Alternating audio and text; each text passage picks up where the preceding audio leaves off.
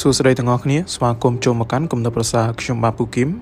សម្រាប់ប្រធានបទនៅថ្ងៃនេះគឺ Machine Error ដែលខ្ញុំបានដកស្រង់ចេញពីសភៅ1 1 equals 3របស់លោក Dave Schroed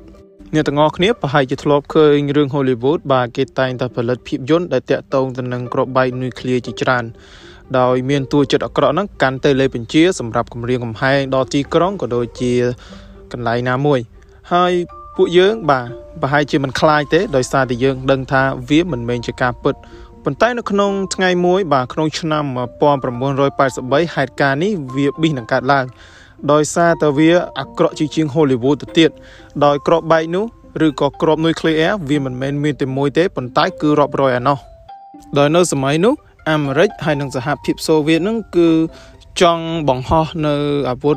នុយក្លេបាទដាក់គ្នានឹងក្នុងរយៈពេល30ឆ្នាំទៅហើយប៉ុន្តែសំណួរនោះគឺថាតើនរណាគេដែលជាអ្នកបង្ហោះមុន ដែលមានការវិភាគថាបើសិនជាប្រទេសទាំងពីរនេះបាទបង្ហោះនៅអាវុធនុយក្លេរបស់ខ្លួននឹងគឺអាចកំទេចពិភពលោកដល់ទៅ20ដងឯណោះនៅក្នុងឆ្នាំ1983ដូចគ្នា សូវៀតបានបង្កើតនៅប្រព័ន្ធដាស់តឿនថ្មីមួយ ដែលមានឈ្មោះថាអូកូដែលវាជាការចាប់សញ្ញានៅការបាញ់មីស៊ីលរបស់អាមេរិកដែលមានលោក Stanislav Petrov ដែលជាអ្នកកាន់កាប់លើអូកូនៅក្នុងថ្ងៃទី26ខែកញ្ញាឆ្នាំ1983ដែលគាត់គឺជាវីរៈសេនីយតូនៅក្នុងកងកម្លាំងការពារដែនអាកាសយុទ្ធសាស្ត្រសូវៀត នៅពាក់កណ្ដាលអាត្រៀតមួយអូកូបានបន្លឺសញ្ញាថា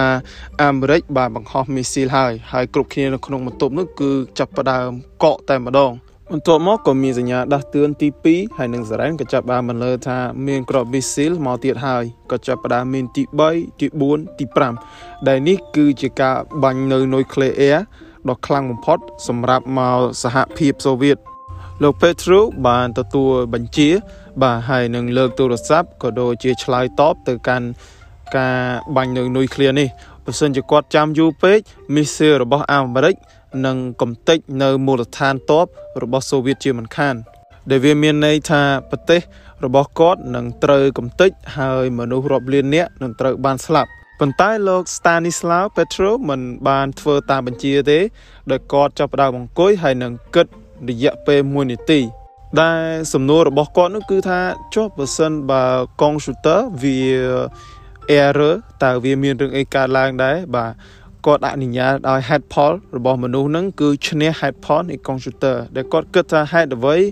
បានជា missile បាទមកតែ5បើសិនជាអាមេរិកចង់កំទេចប្រទេសគាត់មែនដូច្នេះគាត់គិតថាកុំព្យូទ័រនេះវា error ហើយទើបគាត់បដិសេធនឹងលើកទូរស័ព្ទហើយនឹងបញ្ជាឲ្យមានការ វាយត្រឡប់វិញ ពី1វិនាទី ទៅ1វិនាទីឯកសន្តានរបស់គាត់ក៏ចាប់ផ្ដើមជោគបន្តិចម្ដងបន្តិចម្ដងហើយគ្រប់គ្នានៅបន្ទប់នោះក៏ចាប់ផ្ដើមមើលគាត់ហើយនឹងអត់ដង្ហើមផងដែររហូតដល់ការពិតបាទបង្ហាញមកដែលរ៉ាដាក្រោមដីហើយនឹងផ្កាយរណបបានបង្ហាញព័ត៌មានថាគ្មានមីស៊ីលរបស់អាមេរិកទេ ប្រព័ន្ធអូកូច្រឡំនៅកម្មអ្នកស្មីរបស់ព្រះអាទិត្យជះទៅលើពពកហ្នឹងច្រឡំថាជាក្របមីស៊ីលដូច្នេះគឺគ្មានក្របមីស៊ីលអាមេរិកហ្នឹងបបាញ់នៅសហភាពសូវៀតទេហើយទាំងអស់នេះគឺអរគុណទៅដល់លោក Petro បាទដែលគាត់មិនបានចេញបញ្ជាឲ្យមីស៊ីលសូវៀតបាញ់ទៅអាមេរិកវិញនៅក្នុងឆ្នាំ